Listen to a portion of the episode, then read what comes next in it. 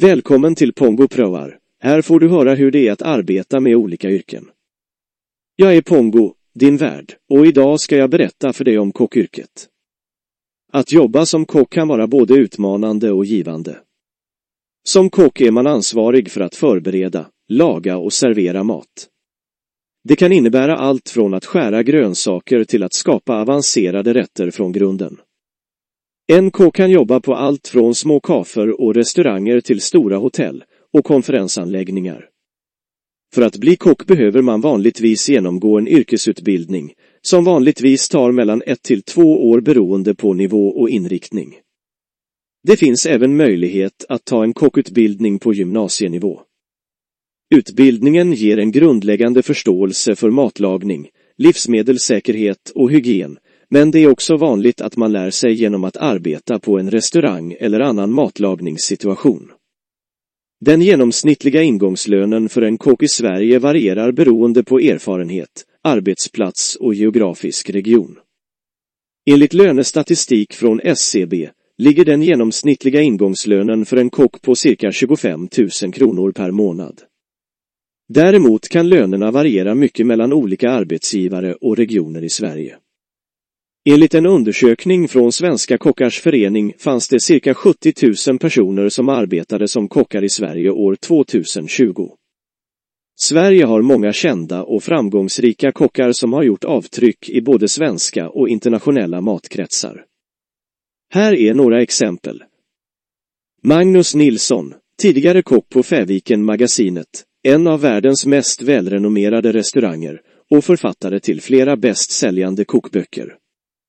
Mattias Dahlgren, en av Sveriges mest prisade kockar och ägare till två Michelinstjärnade restauranger i Stockholm.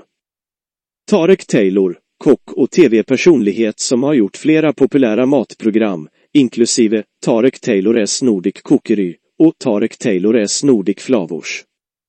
Leif Mannerström, en legendarisk kock som har varit en av Sveriges mest välkända kockar i över 40 år. Han har bland annat drivit flera välkända restauranger, skrivit kokböcker och varit med i tv-program.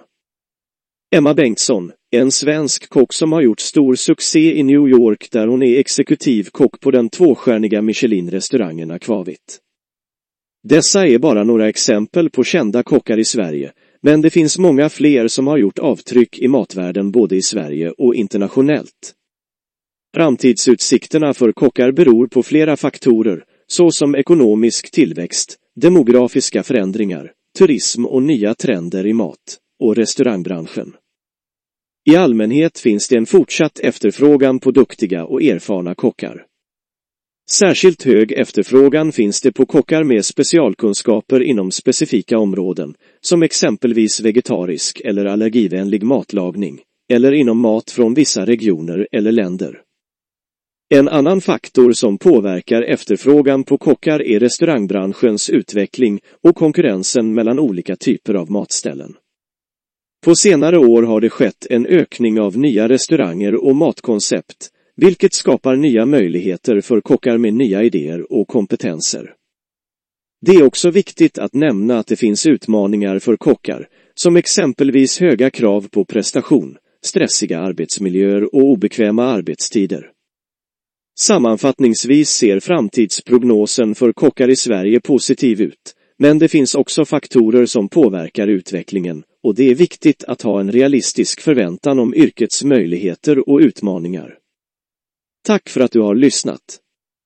Du kan även lyssna på mig i någon av mina andra podcasts, exempelvis Pongo förklarar, eller varför inte följa med mig ut på resa i Pongo Reser. Alla mina poddar och vad de handlar om hittar du på min hemsida pongopodden.com.